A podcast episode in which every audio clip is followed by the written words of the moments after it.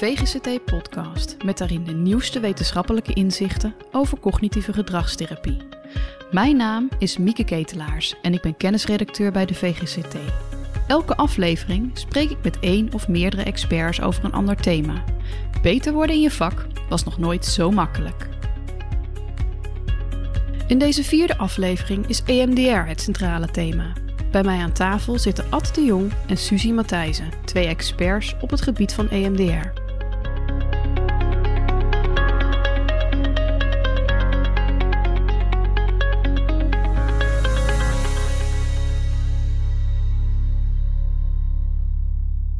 Ad, Suzy, ik denk dat de meeste mensen jullie naam wel kennen, maar zouden jullie als eerste toch even voor kunnen stellen?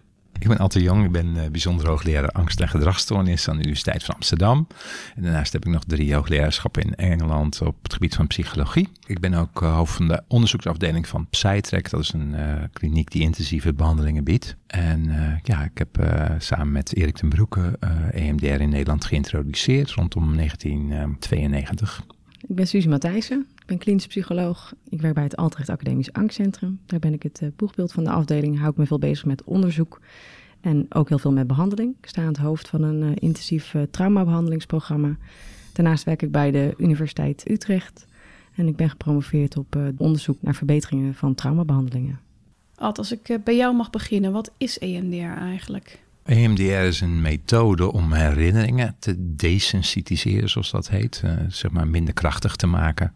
In 87 uh, bedacht door Francine Shapiro, die door een park liep en daar allerlei gedachten bij naar boven kwamen. Probeerde ze kwijt te raken en merkte dat haar ogen daarbij bewogen. En is dat toen uit gaan proberen bij allerlei mensen die, die in de praktijk klachten hadden. Uh, veel veteranen ook. En uh, in 89 werd er al een uh, studie gepubliceerd. En dat liet al zien dat als je die herinnering in gedachten houdt en je beweegt je ogen heen en weer, dat die herinneringen dan minder krachtig worden. Dus minder emotioneel beladen en wat minder helder. Dus die lijken wel wat vager te worden, die beelden. Maar ja, het was nog maar één studie en die had die studie zelf gedaan. Dus aan de ene kant mensen die heel enthousiast werden. En aan de andere kant waren de mensen op de universiteit die zeiden, nou, dat kan echt helemaal niet waar zijn. Wat is dat gek gedoe met die ogen die je moet bewegen. En er is nog veel te weinig onderzoek. En het onderzoekje, dat is door diegene zelf uitgevoerd. Dat kan niks worden. Dus je kreeg in Amerika al vrij snel twee poten van mensen die erin geloofden en hele goede resultaten in de praktijk hadden. En aan de andere kant mensen van universiteiten die zeiden van dat, dat kan nooit iets zijn. Dat is een wonderbaarlijke methode. En als die werkt, dan is het eigenlijk ook gewoon gedragstherapie. Dan is het exposure natuurlijk. Want ja, je gaat wel aan een herinnering denken. Eigenlijk is die tweestrijd nog steeds wel aanwezig als je kijkt naar Amerika, maar in Europa hebben we wel een andere kijk daarop. We laten ons veel meer leiden door het wetenschappelijk onderzoek wat er uh, uit naar voren komt. En uh, dat is vrij sterk als het gaat om PTSS, op andere gebieden nog veel minder. En wat is het werkingsmechanisme er dan achter? Het gaat erom, als je die herinnering eenmaal in gedachten hebt, dan is het idee dat als je dan iets anders uitvoert, een taak, dus het bewegen van de ogen, maar het kan ook uh, sommetjes maken zijn, spellingstaken. Dus een, een hele andere taak, die twee dingen niet samengaan. Dat is een competitie tussen twee taken eigenlijk. En als die taak, die andere taak heel krachtig is, dan verliest die herinnering die in dat labiele werkgeheugen ligt zijn kracht. En daar is waar het op kapitaliseert. En daar is ook waar we allerlei nieuwe ontwikkelingen zien. Om te kijken van, kunnen we dan nog betere werkgeheugenbelasting toevoegen? Kunnen we die herinnering nog beter activeren? Daar ligt eigenlijk ook de integratie hè, met de ja. CGT. Ja, ja. Ja, dus vroeger hadden we het over een herinnering ophalen en die belasten. En dat was eigenlijk de hele instructie. En nu kijken we echt ook, heeft iemand echt die herinnering goed in het werkgeheugen gezet of is die meteen weer kwijt? Hè? Dus dat we continu eigenlijk weer kijken, is die herinnering goed geactiveerd? En als die matig geactiveerd is, want mensen hebben toch vaak de neiging om stukjes te vermijden. En vinden het natuurlijk niet zo leuk om naar zo'n herinnering terug te gaan. Denken, nou, ik laat dat stukje wel een beetje weg of daar kijk ik niet helemaal naar. Ja, dat blijkt toch niet zo heel goed te zijn. Hè? Want activatie van die herinnering is ontzettend belangrijk. Dus dan gaan we weer dingen gebruiken vanuit de CGT om die exposure component meer toe te voegen. Om dingen meer te activeren als mensen daar zelf onvoldoende bij komen. Nou, en aan de andere kant is inderdaad die desensitisatie, waar altijd net ook al over had. Ja, we proberen dat te maximaliseren. Dus dat die beide kanten zo goed mogelijk benut worden. Ja. Ja, ik moet wel zeggen, je ziet ons eh, gelijk bezig met onze experimentele passie. Hè? Dat we denken van, oh, we hebben een prachtige methode en eh, we kunnen die nog veel beter uh, wegleren en nog beter integreren met andere methodes en nog sneller maken. Maar even terug naar de basis. EMDR is dus een protocol wat helemaal uitgeschreven staat. En de bedoeling is dat als mensen die methode leren, dat ze dan dat hele protocol afwerken. En het bestaat uit acht fases. Ehm, begint met een introductie en daarna ehm, activatie en desensitisatie. allemaal stappen. En het, het idee achter dat het echt een therapie is natuurlijk, hè, is dat je dat hele protocol doorloopt. En er zitten stukken in het protocol die internationaal overal worden weggeleerd, waarvan wij dan zeggen, ja, zijn die dan wel zo essentieel en belangrijk? Bijvoorbeeld uh, als je EMDR internationaal bekijkt, is een van die fases in het protocol dat je mensen eerst probeert een veilige plek te bieden. Dus dat je eerst zegt van ja, als we trauma gaan behandelen, dan moet je eerst eigenlijk een goede plek vinden in jezelf waar je rustig bent. En dat kan een plek zijn waar je een herinnering aan een plek waar je wel eens bent geweest en waar je heel veilig voelt. En daar moet je eigenlijk altijd weer een beetje terug kunnen keren als het een beetje moeilijk wordt in de therapie. Nou, dat is een vast onderdeel van de procedure waar we in Nederland al jaren geleden hebben gezegd van nou, misschien uh, is dat helemaal niet zo'n uh, verstandig stuk, want wordt het een beetje moeilijk waar je echt doorheen moet en dan ga je ineens weer terugschakelen. Ga je ineens in je veilige plek zitten. En misschien moedigen we daar ook angstige mensen juist wel mee aan om het te blijven vermijden. Dus wij vinden dat een onderdeel die we eigenlijk ja, nauwelijks toepassen in, in wetenschappelijk onderzoek. Ja, net als die angsten waar je het net over hebt, dat is natuurlijk super belangrijk. Omdat uit studies die al nou, echt al langer geleden uitgevoerd zijn, ook blijkt dat hoe meer angst er is bij mensen die PTSS-behandeling krijgen in die eerste sessies, hoe effectiever die behandeling eigenlijk ook blijkt te zijn dus ja, dat staat natuurlijk een beetje haaks op dat hele safe place. die safe place procedure waar uh, het net over had. En die veilige plek die mensen wordt aangeboden. Wij proberen juist die angst een beetje hoog te houden. Zodat we echt alles maximaal erin hebben zitten voordat we dus gaan desensitiseren. Ja, dus er zijn eigenlijk al aanpassingen gedaan ten opzichte van wat er in de VS werd gedaan. Nou hoorde ik ook al veel over EMDR 2.0. Is dat iets heel anders dan de oude EMDR? Nou, het is eigenlijk een aanscherping van sommige punten in het oorspronkelijke protocol. Hè. Dus het is nog steeds gewoon EMDR. Het is niet totaal iets anders. Maar we proberen dus vanuit wetenschappelijk onderzoek. En er zijn een aantal dingen die zijn al heel erg duidelijk aangetoond. Zoals hè, meer werkgeheugenbelasting is effectiever. Dat wordt keer op keer in studies toch weer gevonden. Nou, dus dat is iets wat we bijvoorbeeld toepassen. Maar ook dingen die nog wat minder duidelijk uh, zijn aangetoond. Maar waarvan we wel aanwijzingen hebben dat het effectief zou kunnen zijn, die gooien we daar ook in. Er zitten ook allerlei motivatiestrategieën in eigenlijk om mensen zover te krijgen dat ze toch echt naar die herinnering toe gaan. Er zitten exposure elementen in. Dus het gaat steeds om stukjes uit het originele EMDR-protocol effectiever te maken. Ja, we zijn ook aan het onderzoeken of het dus ook um, inderdaad tot betere resultaten leidt. Nou, dat doen we dus eerst weer met experimenteel onderzoek, zoals we dat dus eigenlijk steeds doen. dus daarbij zetten we die EMDR tegen EMDR 2.0 af. Resultaten moeten we nog even op wachten. Oké, en maak dat dan eens concreter. Wat doe je dan anders bij 2.0? Nou, je instructies zijn bijvoorbeeld veel gerichter. Dus je vraagt je patiënt echt om zeg maar mee te doen. Je legt echt uit, kijk, jij moet zo goed mogelijk naar die herinnering kijken. Jij moet er zoveel mogelijk van ophalen. Want als jij dat niet helemaal doet, dan kan ik ook niet het meest nare stukje daarvan breken, als het ware. Ik kan hem niet kapot maken. Als jij het er niet in stopt, kan ik het er ook niet uithalen. Dus je instrueert patiënten veel beter om dat goed op te halen, om er ook bij te blijven, om daar moeite voor te doen. En dat ze niet zeg maar het meteen weer wegdrukken. Zoals we vroeger wel zeiden van, hè, nou, we beginnen met die herinnering, maar daarna hoef je het eigenlijk niet vast te houden. Dus ja, die trein staat op die berg en daarna zien we het wel. Wat erop komt, komt erop. Nu mag er nog steeds opkomen wat erop komt. Maar steeds wel weer die instructie van stop er maar goed in. Hou het vast. En, het, wat jij dus vertelt, is helemaal op basis dus van een theorie die, die wij in Nederland vanaf begin af aan erg uh, hebben omarmd. En dat is de werkgeheugentheorie. dus dat je geen twee dingen tegelijkertijd kan doen in het werkgeheugen. En dat je het tamelijk moet belasten wil het effectief zijn. En dus het kapitaliseert helemaal op die werkgeheugentheorie. Terwijl als we naar EMDR 1.0 kijken, even in deze terminologie, dan is dat eigenlijk nog steeds op het bilaterale stimulatie. Dus je boek, de internationale boeken van Francine Shapiro bekijkt, dan gaat het uit van bilaterale stimulatie. Dus als je mee beweegt met je ogen, uh, met de vingers, uh, meekijkt met je ogen, dan zou de ene hersenhelft geactiveerd worden en dan weer de andere hersenhelft geactiveerd worden. Ja, en ook hebben we wel titratietechnieken erin zitten. Dus als hm. iemand niet durft te kijken van wat doe je dan? En wat zou je dan eerst kunnen doen om te zorgen dat iemand het toch aandurft? Dus je kunt een flash forward doen bijvoorbeeld, om te zorgen dat mensen een rampscenario eerst bewerken van wat er dan gebeurt als ze er wel naar zouden kijken. Daar zijn ze vaak ja, dus bang voor. EMDR gericht op een flash forward. Ja, mhm. en ook kun je eh, bedenken van nou oké, eh, als het niet in één keer lukt, maak dan eerst even zwart-wit het plaatje of zet het iets verder weg of in iets minder goede pixelkwaliteit als het ware. En ga dan steeds wel dichterbij. En maar alles om daarna alsnog wel te komen tot het allernaarste stukje, want je moet daar uiteindelijk toch heen. Ja. Ja, ja nou, nou zijn er naast EMDR 2.0 ook nog wel andere ontwikkelingen, begreep ik. Ad, ehm, welke ontwikkelingen zie jij nog meer? Wat een nieuwe ontwikkeling is die ook een rol speelt, is de intensieve behandeling. Susie heeft een kliniek, het Academisch Angstcentrum, waar ze intensief behandelt. Dus dat betekent dat je binnen twee weken eigenlijk gewoon alle trauma's behandelt.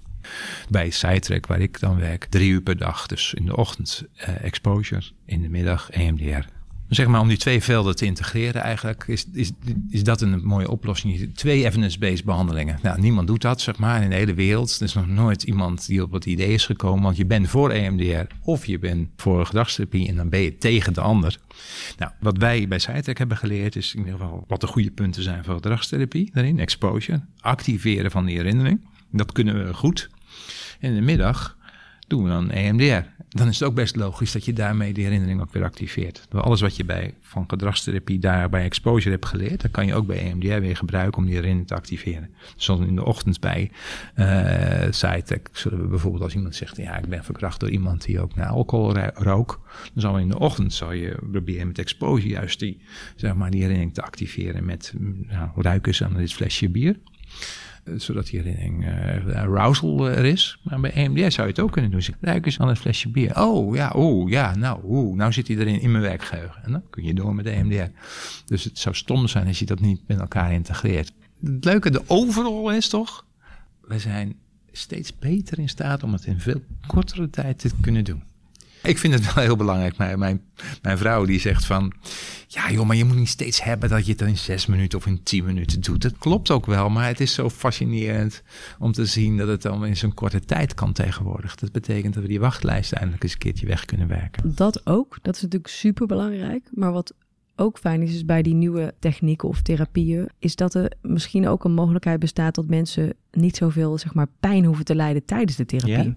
Ik denk wel, um, en dat is een beetje natuurlijk ook, ik, ik hou er wel een beetje de rem op, zeg maar, op die nieuwe dingen. Tuurlijk ben ik ontzettend enthousiast uh, over allerlei nieuwe ontwikkelingen.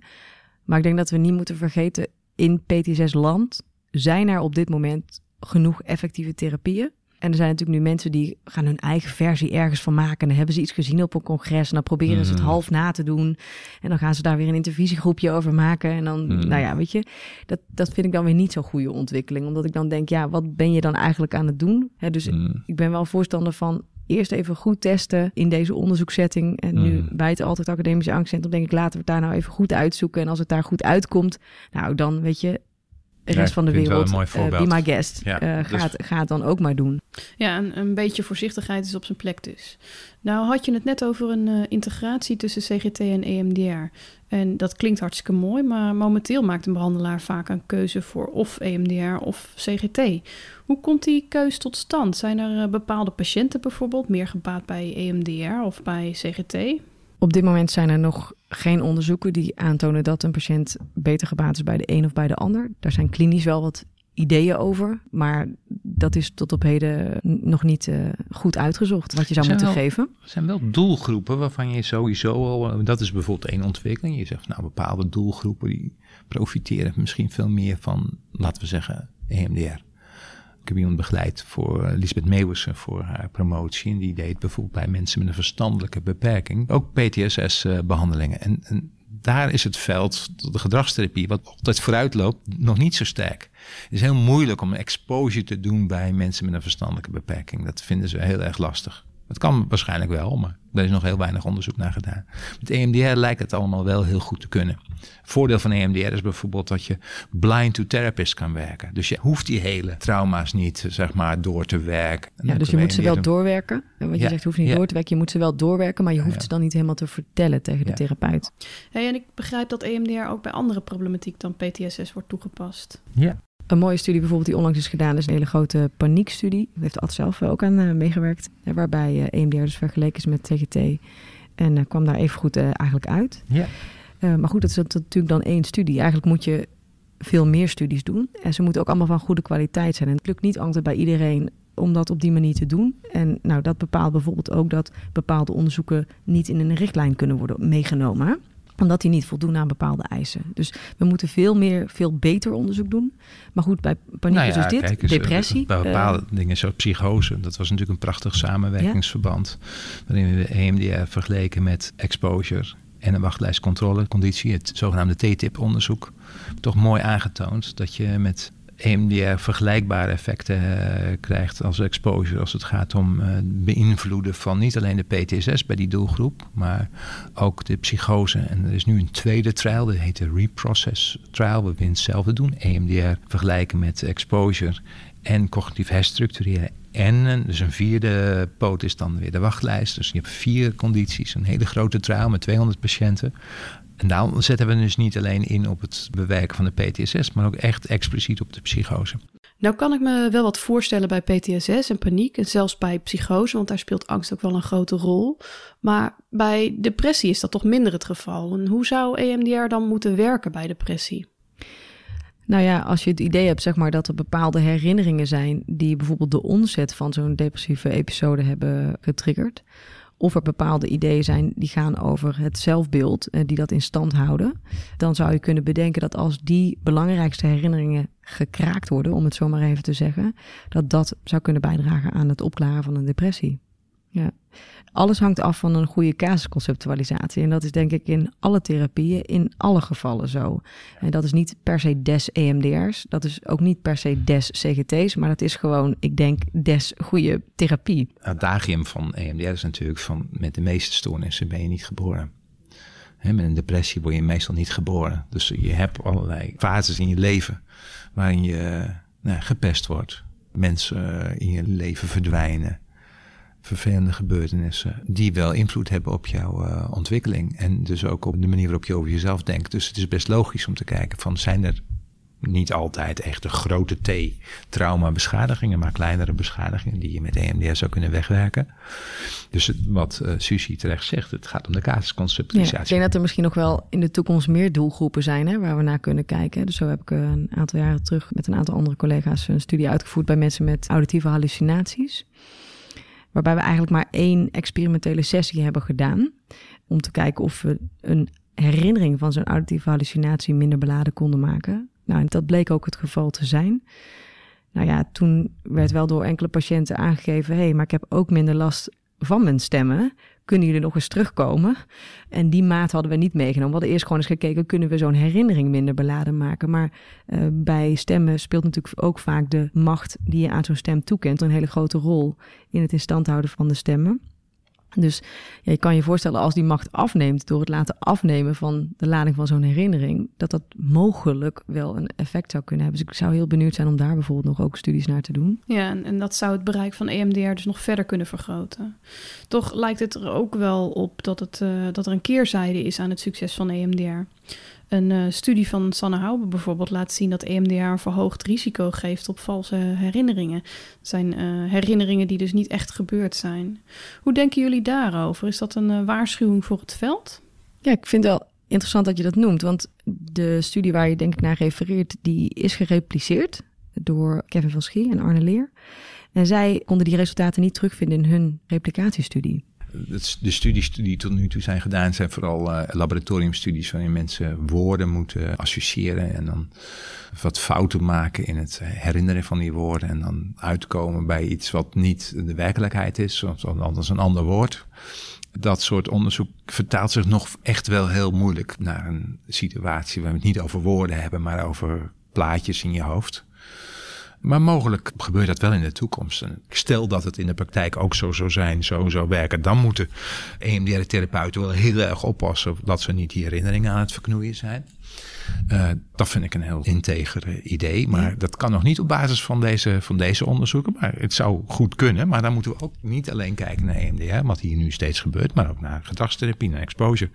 En want als zo'n herinnering nu eenmaal minder helder, waziger wordt, wat met al die therapieën gebeurt, dan kan er natuurlijk ook iets gebeuren met die herinnering. Zegt van ja, maar wat staat er ook alweer op die herinnering? Het is een beetje vaag geworden, maar heb ik dit allemaal meegemaakt? Of dat zou heel goed een bijeffect kunnen zijn van elke effectieve therapie. Ja, ik denk dat we gewoon meer onderzoek nodig hebben hiernaar. Ja, ja ik denk dat, dat is toch goed. Ge- elk onderzoeker zegt, Suzie. Ja, sorry. Ja, ik kan er niks aan meer onderzoek. Ja, ja, nou ja, sommige dingen zijn overduidelijk en dit nog niet. Ja, voldoende vragen voor verder onderzoek dus.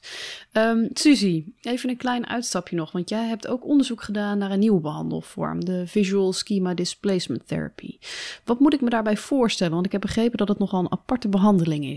Ja, je gaat met je arm een cirkel voor de patiënt maken. In die cirkel bepaal je eigenlijk twee punten. Een punt waar een hele fijne herinnering of persoon zit en eentje waar het gaat om dramatische herinnering. Nou ja, je moet ook nog swipen van het ene naar het andere punt. Je moet de patiënt laten zuchten, je moet de patiënt laten knipperen. Je maakt een hard geluid terwijl je swipt. Er zitten heel veel stappen in, in dat protocol. Het is inmiddels ook een aantal pagina's dik protocol uh, geworden. En uh, eigenlijk is Atte hier de aanstichter van, moet ik zeggen. Atte tegen mij moest kijken wat ik hier nou gevonden heb op internet. Super raar. Een filmpje over een man die stond te swipen met zo'n horloge. En die zei dan woesh woesh. En uh, toen zei die uh, patiënten... Oh, it feels like demons leaped out of my body. Dus ze had daarna voelde ze zich soort van bevrijd. Had ze geen last meer van een bepaalde herinnering. Nou, dat vond ik zo vaag. Toen zei ik, nou kom, laten we naar die mensen toe gaan. Dat is nog gekker dan EMDR. Dat is nog gekker dan EMDR. Toen zijn we naar Engeland gevlogen. Want ze gaven daar een soort uh, ja, performance eigenlijk, moet ik meer zeggen. Ja, en toen deden ze die techniek dus niet die avond, bleek. Dat vonden we vrij jammer, maar zij zijn toen wel op ons verzoek naar Nederland gekomen... en hebben het laten zien op twee uh, patiënten met PTSS. En die gaven aan, dit uh, doet wel iets... En toen dacht ik dus, oh chips, want nu moet ik er ook iets mee. Ik kan dat natuurlijk niet laten liggen nu. Mm-hmm. Dus toen ben ik naar mijn uh, toenmalige promotor gegaan, Marcel van den Hout. En toen zei ik, uh, Marcel, zal ik het doen? Nou, die vond het ook echt een waanzinnig krankzinnig idee. Maar hij zei, ja Suzie, kijk, als jij dit wil, doe dan maar. Zo. En die was ook redelijk verbaasd, want toen kwam dus VZT beter uit de bus dan MDR. En dat was bij gezonde proefpersonen met nare herinneringen. En dat is eigenlijk een analogie die we veel gebruiken. En we zien eigenlijk ook dat we eigenlijk meestal diezelfde effecten ook bij onze patiënten met PTSS terugvinden. Nou, gerepliceerd kwam het er weer uit. Toen een derde studie naar werkingsmechanismen komt VZT weer goed uit de bus, maar die moet nog gepubliceerd worden. En nu zijn we bezig met een grote trial bij patiënten bij het Altrecht Academisch Angstcentrum. Dus ik ben uh, zeer, zeer, zeer uh, benieuwd. Ja. Ja. En als we het dan hebben over dat werkingsmechanisme, wat houdt dat dan in? Ja, daar zijn we nog niet helemaal achter. Dus in de ja. derde studie die we hebben gedaan, hebben we een aantal hypotheses opgesteld. We hadden er nog meer, maar ja, je kunt niet alles in één keer testen. Contraconditionering zou een rol kunnen spelen, omdat je iets naars aan iets positiefs koppelt. Werkgeheugenbelasting is echt heel massaal. Arousal wordt ook toegevoegd in de procedure. Surprise effecten worden toegevoegd in de procedure. Er werd ook nog geopperd door de bedenkers van de therapie dat mogelijk de kijkrichting een uh, rol zou kunnen spelen. Dus zo zijn er veel dingen die mogelijk een rol spelen. En het zou ook nog kunnen zijn dat juist bepaalde stukjes voor bepaalde mensen werken en andere voor andere mensen werken. Dus dat je van die losse stukjes misschien helemaal niets gaat vinden, maar dat de soep bij elkaar maakt dat het werkt. Dat misschien het ene beter aansluit bij de ene persoon als werking en de ander bij de ander. Ja, en dat is een beetje hetzelfde waar je dan op terug kan komen bij wanneer werkt IE of wanneer werkt EMDR. Dat weten we ook nog niet goed. Dus wat we in die intensieve behandelingen doen, is het combineren van die twee. En dat werkt in ieder geval goed. Ja, dus dat doen we bij die VZT ook. We laten alle onderdelen zoals ze bedacht zijn in stand. En dat testen we nu bij patiënten. Maar als we specifieke onderdelen eruit halen, kunnen we nog niet duidelijk zeggen wat nou exact maakt dat het werkt. We hebben nog tijd voor een uh, laatste vraag. Jullie staan midden in grote ontwikkelingen in het veld. Daar hebben jullie ook al ontzettend veel over verteld. Maar als je daar nou eens iets uit zou moeten pakken, wat hoop je dan de komende jaren nog te bereiken? Ja, afgelopen jaar is er een council opgericht. Met daarin uh, 35 experts van over de hele wereld. De Council of EMDR. En ik hoop heel erg dat die council heel erg vorm gaat geven aan de toekomst in de komende jaren. Dat gaat niet alleen over waar moeten we onderzoek naar doen, waar moet meer onderzoek naar komen en hoe kunnen we kwalitatief beter onderzoek leveren. En ook samenwerksverbanden daarin, maar dat gaat bijvoorbeeld ook over trainingen structureren over de wereld. Dat dat meer gelijk wordt getrokken over de standaard van wat EMDR is, maar ook wat EMDR niet is. Heel veel mensen bedenken iets wat er een beetje op lijkt en zeggen dan dit is ook EMDR. Maar wat is nou eigenlijk nog EMDR? Wat is het dan ook eigenlijk niet? dus ik hoop dat die council echt richting gaat geven. Er zitten ook drie Nederlanders in die council, waarvan Ad en ik er twee zijn. De andere is Carlijn de Roos.